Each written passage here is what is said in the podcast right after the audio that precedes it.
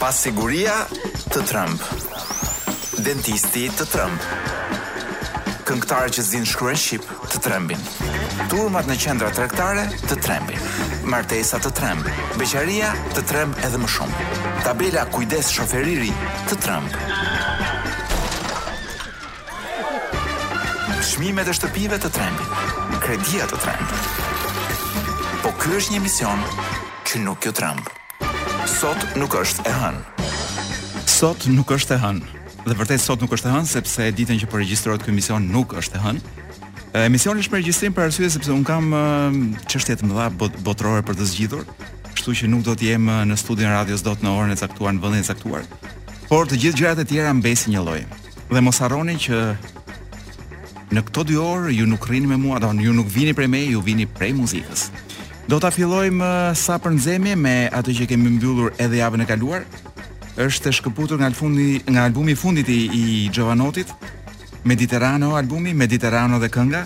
Është një këngë që sikur të hyn brenda, domethënë si një turr ashtu sikur të ngre pak në ajër.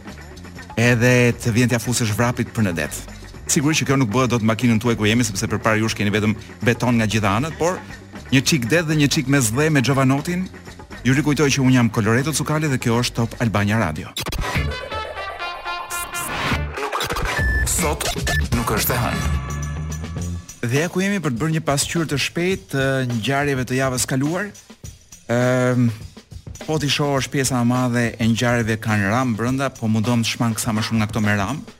por nuk mund mos përmend lajmin që kryeministri ka vizituar Hashim Thaçin në burgun e Hagës. Dhe më duket sikur kryeministri po bën çmos për t'u thënë shqiptarëve që vdiqa për pak burg. Por shqiptarët nuk e dëgjojnë. Ë uh, nuk e di çfarë i ka çuar dhuratë uh, Thaçit uh, në burg. Kam dëgjuar që është qejfli i madh i tavës kosit. Dhe ndoshta I ka çuar pak tavë kosi se ata të Hagës, domethënë në Hagë nuk e nuk e godasin mirë këtë këtë tavën e arnautëve. Më vonë do të flasim edhe për 10 arsye pse Rama ka vizituar Thaçin në burg, por pak më vonë. Tani vazhdojmë me lajmet e tjera. Ëh Rama paskësh thënë, meqënëse është konfliktuar me, me SPAK-un, ose perceptohet që i ka bërë presion ë SPAK-ut, Na i qënkësh përgjigjur tani edhe ambasadores Kim, nuk është presion, meqenëse dhe ajo e ka konsideruar duket si presion, nuk është presion të kërkosh hetimin e një personi non grata. Mirpo, kryeministri harron që është kryeministër dhe nuk është një tip që bën zgarë te Pazari i Ri. Do të, kur të kur të shef shtrëmbër kryeministri nuk është njëlloj sikur të sheh shtrëmbër ai burri i zgarës së pazarit të ri. Por shpesh kryeministri harron këtë gjën ose ndoshta di më mirë se ç'duhet këtë gjën. Macron ka propozuar një paradhomë. Vetëm fjala paradhomë më më bën shumë për të qeshur. Ë sepse kam dëgjuar shpesh herë tezën që Shqipëria ishte në paradhomën e Europës në fillim në, në mes të viteve 90, ndoshta 94, 95, 96, përpara 97-s. dhe ja ku jemi rikthyer përsëri në paradhomë për vendet që synojnë integrimin në BE, sigurisht edhe Shqipëria këtu është propozim i Macronit ky. Ç'të them, një paradhomë ku di unë, mbase shërbejnë fiq të thatë aty. E ndoshta ndoshta vënë në paradhomë edhe një televizor për të ndjekur seancat e parlamentit. Hotelet në Tiranë kanë rritur çmimet prej finales së Conference League. Ka reaguar autoriteti i konkurrencës do të ketë gjoba për abuzuesit. të rrini të qetë sepse rritja e çmimit sigurisht që parashikon dhe mbulon gjobat qesharake të autoritetit që është po aq qesharak i i konkurrencës. Dhe ja një lajm që është për të qarë dhe për të qeshur, depozita bie nga pallati. Dëmton tre makina. Tani reklamat po t'i keni pa reklamat nëpër qytet thonë që jemi kryeqyteti i rinisë. Ëh, por duhet një ngjarje si kjo që të na kujtojë që jemi në fakt kryeqyteti i depozitave të ujit. Dhe Shof një lajm që është shumë entuziazmues. Për herë të parë gjuha shqipe përfshihet si lëndë me zgjedhje në Universitetin e Harvardit. Ç'të them, është lajm shumë i bukur për shqipen. Ia doli më në fund një gjuhë si shqipja të jetë në Harvard, po i qaj hallin dhe atyre njerëzve që do e mësojnë sepse imagjino të ngratët shpirtra të pafajshëm që mësojnë shqipen edhe kontakti i parë i tyre në në në rrjetet sociale apo në televizion të jetë me broçkullat e Alfred Çakos, kështu që shqipja për fat keq është edhe mjeti lundrues i Alfred Çakos. Çfarë kemi tjetër? Ah, një lajm nga bota, shumë interesant, mund t'ju vlejë dhe juve, një çift jeton nëpër kroçera sepse llogariti se kushton më pak të jetosh në kroçerë, ë apo në kryqëzor, Meqenëse tashmë jemi edhe në Harvard, le të flasim shqip. Pra mund të jetë të bie më lirë të udhëtosh me kryqëzor se sa të paguash kredinë e shtëpisë. Tani ky vendi mund të ishte shumë mirë edhe në Tiranë me këto çmime që janë që janë bër. Por në të vërtetë bëhet fjalë për një ngjarje, një nga janë këta, po, janë britanikë, sa kuptoj. Kështu pra. Ë uh, kaq ishte një pasqyrë e vogël e thjeshtë shpresoj e padëmshme e javës së kaluar për sa i përket lajmeve. Do të rikthehemi tek muzika që është automjeti jonë, që nuk ka depozitë që ta thyej. Dhe për pak nostalgji, po edhe pak inat, po edhe një çik shumë për një antitendencë ndaj Eurovisionit, një çik Nirvana kështu. Ë uh, si për pasdite. Come as you are. Me prezantimin e këngës shqiptare në Eurovision po merren jo vetëm shqiptarët, më në fund, por po merren edhe media botërore, ku di unë që nga BBC-ja tek Corriere della Sera kanë thënë diçka për këngën shqiptare, në përgjithësi opinionet nuk kanë qenë të mira.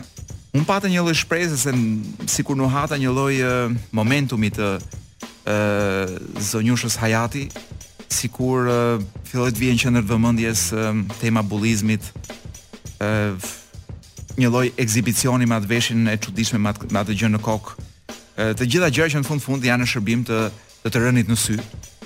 Por kënga, muzika, këngëtari dhe deri diku dhe performanca janë ato që bëjnë pastaj ndryshimin e madh edhe të votës së madhe.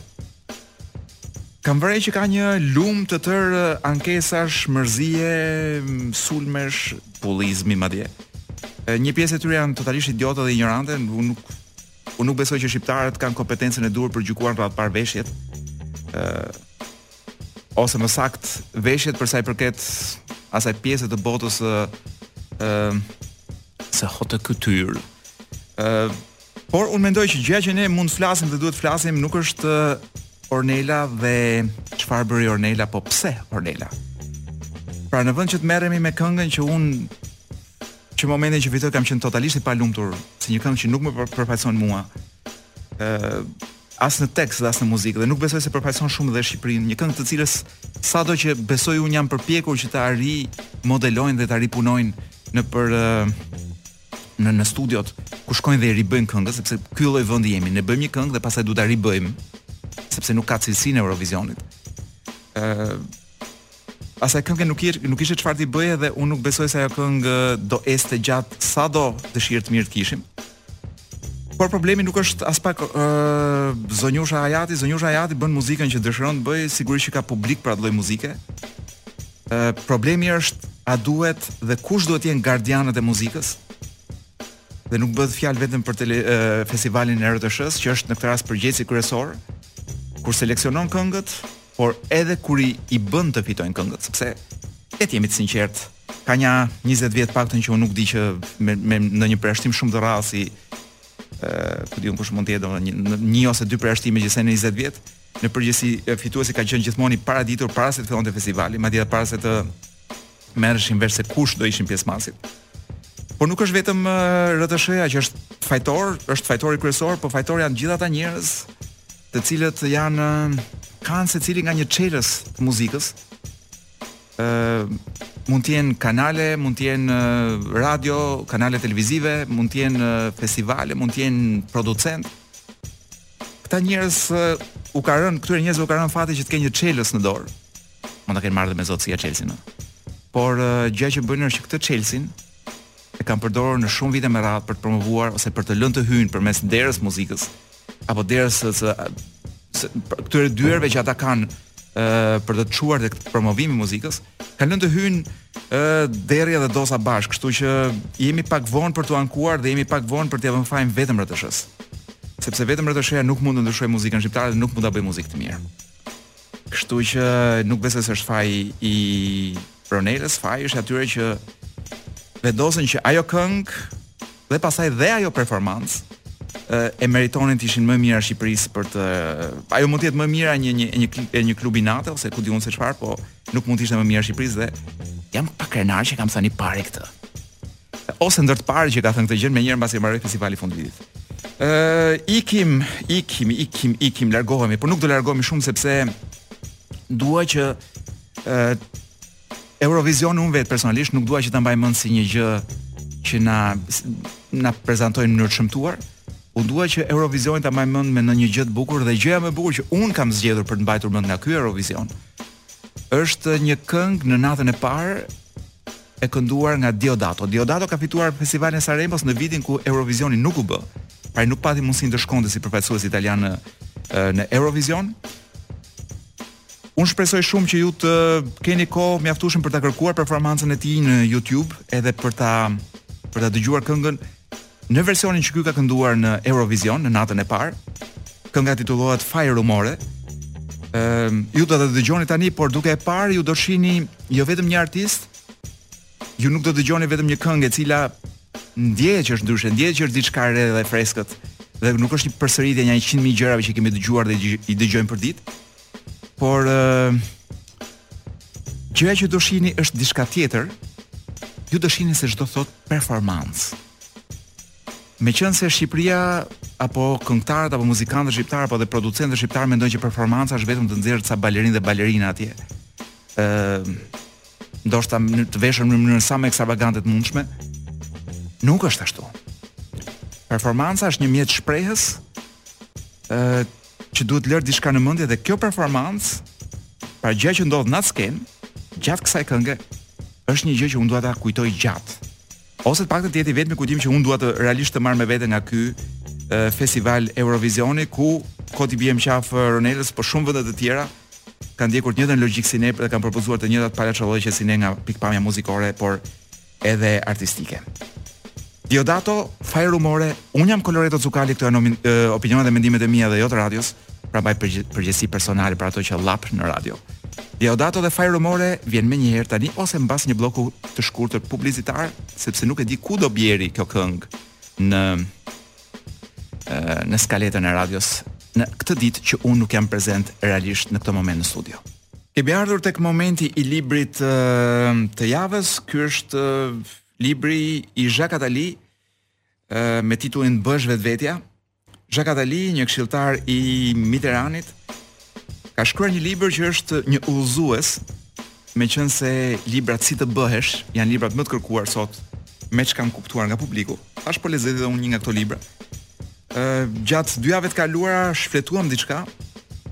Libri është një analizë e botës ku jetojmë, pasqyra që ai bën është e zezë, por zgjidhja që ai tenton t'u japë njerëzve janë të mira dhe pozitive, sepse kjo është dhe filozofia e këtij libri dhe këtij autori, të bëhesh vetvetja është mënyra më e mirë për t'ia dalë dhe për të ekzistuar në këtë botë. apo siç nuk e di nëse rri fiks përkthimi në shqip po të realizosh vetveten. Dhe ja po lexoj këtu uh, diçka ky shpi, shpjegon shumë mënyra se si mbasi jep shembuj të shumtë, shpjegon edhe shumë mënyra se si njeriu mund të bëhet vetvetja, tani edhe këtu thot. Ë uh, dhe fillon këtë këtë kapitull që është kapitulli i fundit, shpresoj t'ju kem bindur se është e mundur t'i shpëtoni rutinës dhe të gjeni veten të paktën një herë në jetën tuaj. Po ashtu, T'ua kem bërë qartë se kështu do të keni jo vetëm sukses në jetën tuaj, por edhe se do të ndikoni pozitivisht në atë të të tjerëve, në përparimin e vendit ku jetoni dhe punoni në begatinë e botës. Asgjë e re nën këtë diell thotë Ekleziasti, por kjo mos do të thotë gjë se jemi të dënuar të mos jetojmë dot ndryshe, përveçse duke përsëritur jetën tonë. Mos do të thotë që duhet të ndjekim Vetëm jetën e të parëve tanë? Jo. Kështu përgjigjen kritikët. Eksegetët thonë përkundrazi. Kjo do të thotë se e reja gjendet nën këtë diell, se duhet të guxojmë të dalim nga rregullat, mendojmë ndryshe. Të mendojmë për veten në dobi të vetes, të mendojmë si të bëhemi vetvetja. Atëherë unë ju them merreni veten në dorë, çlirohuni nga konformizmat, nga ideologjitë, nga etikat dhe nga determinizmat e çdo lloji. Mos prisni asgjë nga askush, dëgjoni zërin tuaj. Merrni guximin të veproni, asgjë nuk e justifikon uljen e kokës, pranimin e faktit të kryer. të pritur që të tjerë të përgjigjen për vështirësitë tuaja personale dhe mbi të gjitha, të mos e prisni nga të fuqishmit apo nga shteti. Jetë e mirë është ajo kur njeriu kërkon pa reshtur, kur e gjen veten gjithherë, gjithë njëherë ose rast pas rasti. Dhe pak më poshtë thotë, ë së fundmi, nëse jeni të qeverisur nga të tjerët, qeverisuni ju vetë. Veproni sikur bota, në rastin më të mirë, është indiferente ndaj jush. Në mos armiqësore. Dhe nëse doni ndryshime, Mos prisni që këtë ta bëjnë politikanët. Merrni jetën tuaj në dorë pa pritur gjë as nga brezat paraardhës, as nga ata që do të vinë, as nga shteti, as nga familja, as nga pronarët. E të tjera të tjera, nuk po jua lexoj këtë pjesën e fundit kur është kjo, është momentumi i librit. Pra masi ka shpjeguar gjithë mundësi që ka njeriu për t'u bërë vetvetja. Më pëlqen ideja që të bëhesh vetvetja tani këtu dhe mos uh, presësh gjë nga të tjerët. Është e kundërta që bëhet në Shqipëri, në fakt gjithë presin ë ku do ketë një copë pronë, ë ku do t'i gjejë partia një vend pune. Të gjitha këto tani po flas nga vetja, jo nga libri, po të gjitha këto mua më duken jetë njerëzore të çuara dëm. Dhe Shqipëria është plot me njerëz, është plot me praktikisht me kufoma sociale, me jetë njerëzore të çuara dëm, me njerëz që janë kaq të mërzitshëm dhe janë pikërisht mërzitshëm se nuk bëjnë kurrë asgjë për veten e tyre. Por presin gjithmonë nga të tjerët.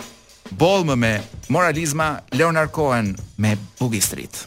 Sot nuk është e hënë, ju po dëgjoni Top Albania Radion, unë jam Koloreto Cukali dhe pranvera akoma nuk ka ardhur. Ju mund të mendoni se ka ardhur, kanë dalur shallkat e para, mëngët e shkurtra në qarkullim, por pranvera nuk ka ardhur akoma. Pranvera vjen vetëm kur ne të lëshojmë këngën e pranverës dhe nuk e kemi lëshuar akoma as këtë javë.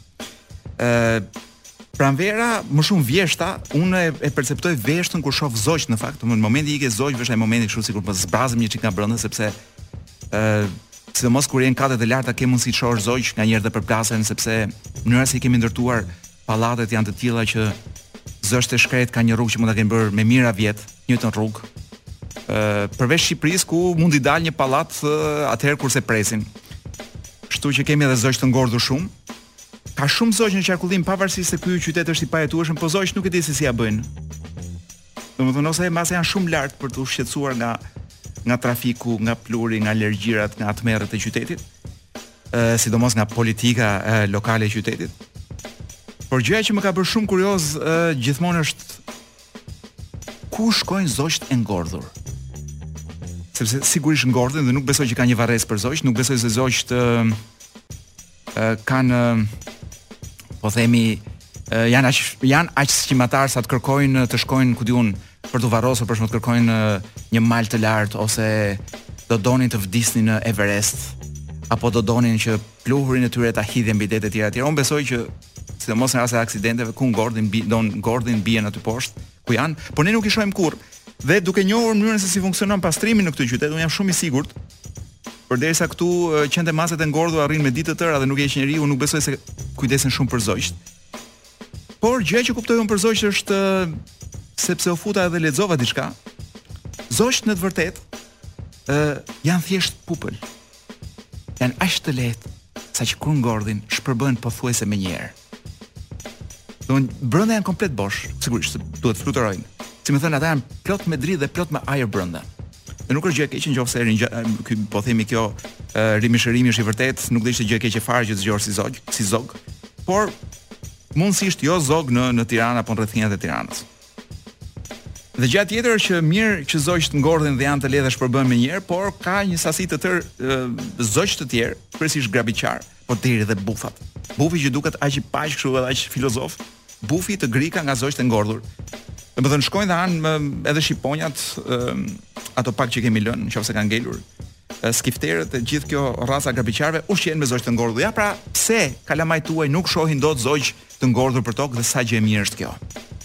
sepse kur i shef përtokë pastaj mbasi e ke parë duke fluturuar, është unë besoj që është një dhimbkë e vogël ose edhe e madhe për disa që janë shumë të ndjeshëm. The Cure. Tashi si një zog i vogël ju vjen një këngë dashurie. Ju rikujtoj që po dëgjoni Top Albania Radion, un jam Koloreto Cukali. Tekstet e hip hopit të trembin. Sot nuk është e hënë. Ky është momenti që dua t'ju propozoj një këngë dhe kam zgjedhur një këngë të vjetër. Ë një nga grupet më të preferuara të Homer Simpsonit janë grupi The Kiss. Ëm grupi The Kiss, një grup legjendar tashmë 50, ku di unë 60 vjet në qarkullim. Në vitin 78 këta bënë një eksperiment që mua kur e kam marrë vesh më është dukur një gjë, një gjetje, le të themi. Këta vendosën që secili prej tyre në të njëjtën kohë të nxirrte një album me vete. Pra nxorën katër albume secili me emrin e vet. Ëm dhe shumica e këtyre albumeve janë të harruar tek tuk ndonjë këngë. Kënga që unë kam zgjedhur është nga njëri prej albumeve. Është nga albumi i Paul Stanley-t, Ëm um, kënga titullohet Hold Me Touch Me. Por është është një lloj kënge që të sjell pak aromë viteve 70. Ai rroku i egër akoma duke sikur don ai viteve 80 akoma sikur nuk kishte zënë vend tamam kishte kishte eksplorime muzikore të vazhdueshme.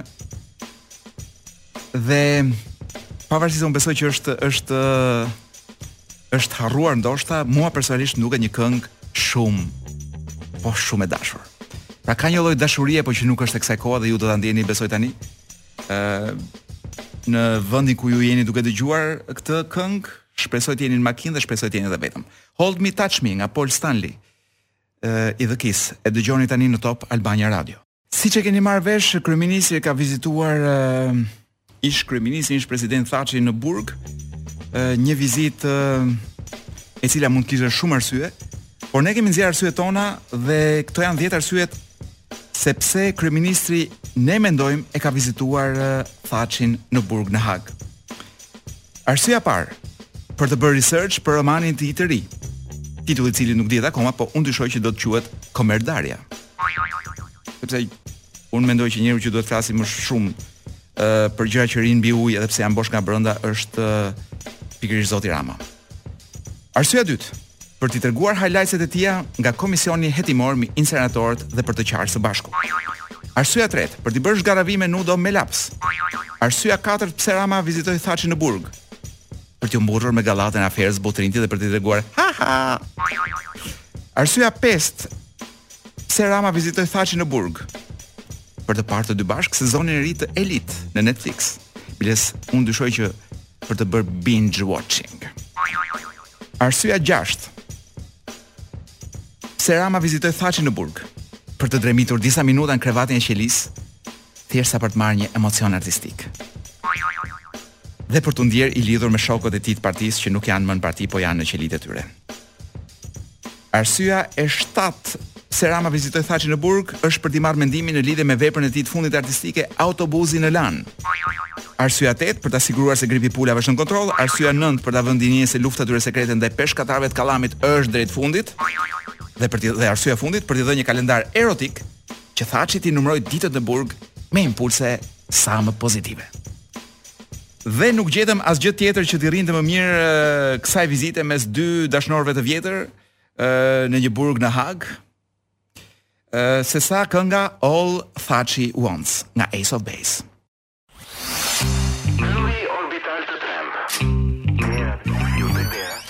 Të trembin. Po ky është një emision që nuk ju tremb. Sot nuk është e hënë. Ka dhe një arsye tjetër sigurisht që është arsye vërtet pse Rama vizitoi Thaçin në burg, është që ta pyesë ku i ke fshehur paratë. Sepse shokët e mirë këtë gjë bëjnë dhe unë do t'ju flas për shokët, sa shokë ka vërtet ë ë nevojë njeriu të ketë në jetë. Është një artikull shumë i gjatë në New York Times, unë do përpiqem ta përmbledh për ju. Ëm um, ka shumë njerëz, një përqindje shumë e lartë e njerëzve në botë të cilët nuk kanë as edhe një mik. Dhe kjo është një vetmi në rritje që tregon që arsyeja e vërtetë pse ne ndoshta mund të shuhemi si shoqëri ose të transformohemi, pra të bëhemi diçka tjetër, është pikërisht humbja e këtyre lidhjeve sociale. Por mjafton thuhet këtu, po lexoj disa studime të cituara në këtë shkrim, mjafton të kesh të paktën 6 miq të mirë edhe shëndeti yt përmirësohet mjaftueshëm përgjatë gjithë përgjatë gjithë jetës. Sikurse nuk mendohet që nuk mund të kesh më shumë se 150 miq dhe të njohur. Pra më shumë se kaq është e pamundur edhe fizikisht të mbash kontakte sepse një mik i mirë nuk është dikush që i thua uh, congrats kur ka një punë të re domethënë në LinkedIn. Ë uh, nuk është kjo miqësia e vërtetë, miqësia është kur gjen kohë për t'u ulur edhe për të vendosur këto lidhjet me njëri-tjetrin. Por një gjë e rëndësishme është kjo që miqtë ose njerëz të cilët nuk të pëlqejnë, E mira është që ti të mos kalosh kohë me ta, edhe pse nganjëherë ne kemi këtë nevojën që e para mos dukemi shumë arrogante, e dyta të mos na, domethënë nuk i themi dot jo njerëzve. Ë duam dhe t'i respektojmë. Por sipas të dhënave që po lexoj këtu, mund të jetë keq për shëndetin në qoftë se ti kalon kohë me njerëz të cilët janë Ndoshta nuk të pëlqejnë, po ndoshta janë njerëz që janë vetëm kritikë ose vetëm shajnë ose janë acarues. Ose ja është edhe kategori njerëzish që kur ti tregon diçka ai do të tregojë gjithmonë diçka që e ka o më të bukur, o më interesante se jotja. Pra ti s'ke mbaruar akoma duke treguar një gjë tënde, po ai do dalë me me vrap të gjejë një gjë më të rëndësishme se se jotja. Të gjitha këto bëjnë që këta njerëz ë t'i largosh nga nga jeta në qoftë se nuk do që të dëmtosh shëndetin. ë Pasja e miqve është një mënyrë, siç po thuhet këtu, një mënyrë e mirë për të për të mbrojtur shëndetin tënd, por dhe atë të tyre rrotull rrotull teje. ë Pesë miq siç thashë janë të mjaftueshëm dhe pastaj pesë miq të ngushtë dhe pastaj me rrathë që zgjerohen. Kjo është gjëja që duhet të bëjë njeriu, sipas gjithë ekspertëve britanikë edhe amerikanë të cituar në këtë shkrim. Rrethi rrethi i parë i vogël me 5 miq, pastaj një rreth tjetër, ndoshta me 20, pastaj një rreth tjetër pak më i madh. Dhe kur shkosh te 150, në qoftë se ti ke më shumë se aq, atë ose ti je njeri në të vërtetë pa miq, Ose je njeri që do t'i futesh politikës dhe po, po përpiqesh të manipulosh në shkallë të lartë. Kaq për për sa i përket miqësisë, për vetminë ndoshta do flasim një herë tjetër sepse është një gjë shumë e rëndësishme dhe duhet folur. Do të rikthehemi ama tek muzika. Meqenëse e kemi lajtmotivin e programit tonë, për pak nostalgji, po edhe për pak ritëm, edhe për pak energji, po energji nga ajo që është sikur të futesh në një dush me ujë të ftohtë, akull, e ti hidhesh përpjetë, ju vijnë Guns N' Roses me Sweet Child O' Mine. Dhe kemi mbërritur tek ora e seksit, momenti kur ne flasim për çfarëdo lloj gjëje që ka lidhje me seksin, nuk do flasim as sot për atë ngjarjen e Dubait. Ëm ehm, Sepse është diçka që me sa kuptova unë nuk nuk mund të flitet për të, ajo u dashka parë. Ëm Por gjithsesi ishte shumë informative për mënyrën se si bëhen parat apo format novatore të të pasurimit në botë. E sa vështirë është jeta e një influenceri ku që duhet të hajë lloj-lloj gjërash për t'u bërë për t'u bërë i pasur. Unë kisha idenë që ata donin të ishin të suksesshëm, jo. Dashkan të jenë të pasur. Por do flasim për gjëra fare më të rëndomta se kjo, rregullat e kolonive nudiste. Tash në anglisht është nudist colonies, unë e përktheva koloni nudiste, jam i sigurt që shqip mund të kishte një term më të mirë. Ë trumbave nudiste apo tufave jo, çfarë mund të kemi ndonjë gjë tjetër që të jetë si koloni, domethënë. ë kope nudistësh le të quajmë. Pra, do t'ju them disa rregulla meqenëse vera po vjen dhe në qoftë se keni në plan të shkoni në një ë koloni, në një tufë nudistësh në një në një vend ku lejohet dhe ku praktikohet nudizmi, këto vende janë plot që nga Meksika në Hawaii, në Kroaci thonë thonë bëhet nami, në Greqi po e po. Kështu që është shumë e rëndësishme t'i dish sepse nudizmi ka një etiketë të përcaktuar shumë qartë. Dhe gjëja e parë që duhet bëj njeriu, pra që duhet bësh ti kur të futesh tek kolonia nudiste, është të mbash një peshqir. Sa më i vogël, aq më turp është për ty. Mbaje të madh që njerëzit thonë ky paska ç'të fsheh. Sepse minimalisht në qoftë se të ndodh një një moment delikat ku po themi gjërat në trupin tënd marrin kështu si për kot, atëherë një peshqir të bën të bën punë dhe sa më i madh domethënë, pjesën tjetër të kohës mund ta mbash sigurisht në kokë ose mund të ulesh mbi të sepse me sa kuptoj unë nudistët kanë shumë merak të ulen nëpër stola ku janë ulur nudistë të tjerë, sepse nuk duan të marrin mikrobet e njëri tjetrit. Sigurisht që nuk duhet të ngresh kokën si lama atje për të parë uh, lart e poshtë se ç'bëhet. Ë kush qenka aty mor si qenka i shif mor aty. Pra kjo gjëja nuk është e lejushme, nuk është fare etike.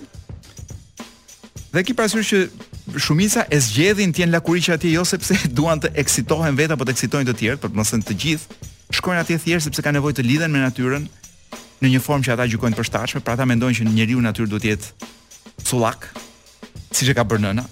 Dhe kjo është mënyra se si ata vendosin lidhje me natyrën, nuk kanë ardhur aty për t'u eksituar apo për të të eksituar, kjo është shumë e rëndësishme ta kuptosh.